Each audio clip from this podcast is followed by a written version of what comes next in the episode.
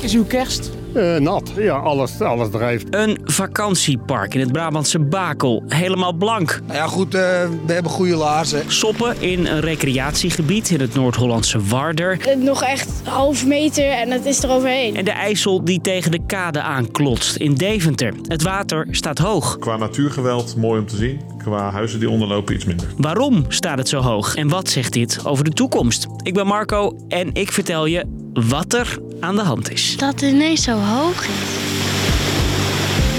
Lang verhaal kort. Een podcast van NOS op 3 en 3FM. Jullie gaan samen kerst vieren, hè?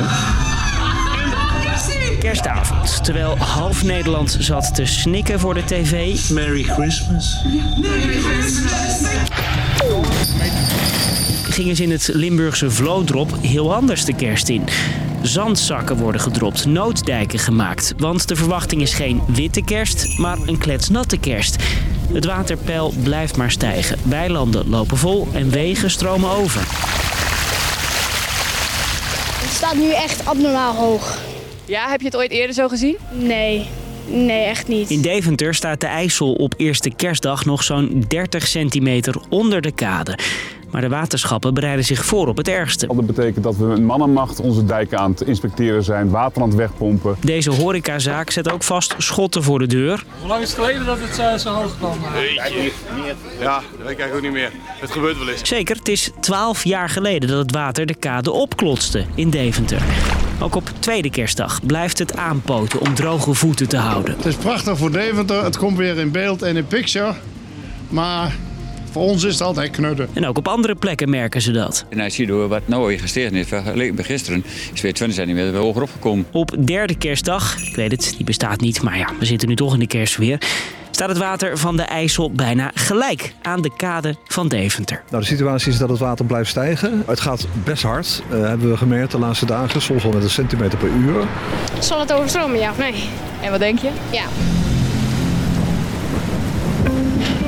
Dit hoge water komt natuurlijk niet helemaal uit de lucht vallen. Ja, oké, wel, want het komt wel uit de lucht vallen. Want het is eh, hartstikke nat.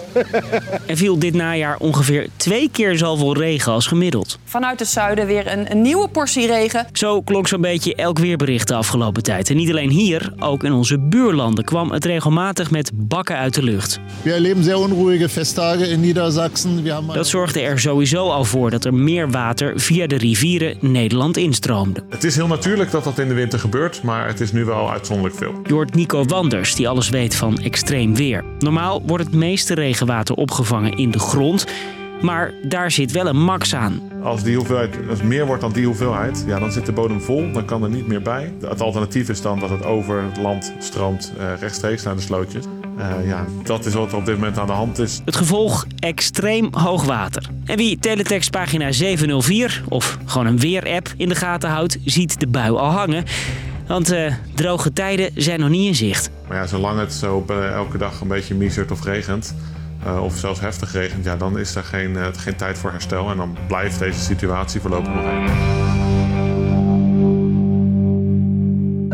Even lekker eh, water kijken. Rustig uitbuiken na het kerstdiner, dat is er voor de inwoners van Deventer dus niet bij. Waarschijnlijk zal het vandaag nog wel droog blijven hier. Maar vanaf en morgen is toch het risico wel het grootste dat het water eroverheen komt. Deventer verwacht dat de zandzakken zeker tot nieuwjaar nodig zijn. En ook op andere plekken wordt het komende dagen spannend, zoals bij de Maas in Limburg. We zijn eh, goed alert, paraat en eh, ja, klaar om in te springen mocht er toch eh, nog meer regen vallen. Ook al is zo'n hoge waterstand als nu uitzonderlijk, de kans is groot dat we het in de toekomst vaker gaan meemaken. Door klimaatverandering valt er sowieso meer regen.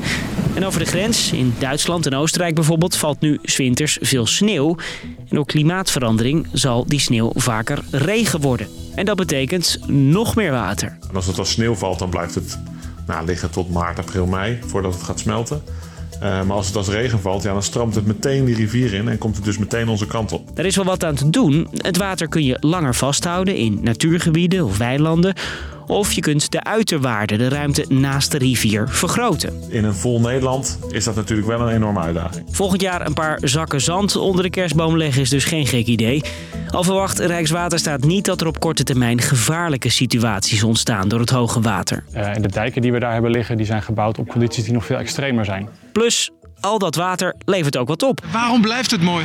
Ja, dat weet ik niet. Water trekt altijd, hè?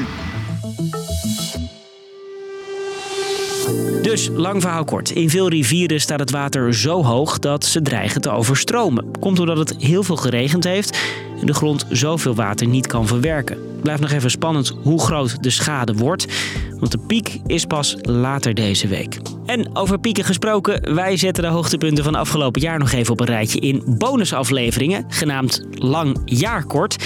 En de eerste paar vind je al in je podcast-app. Lekker luisteren dus. Doei!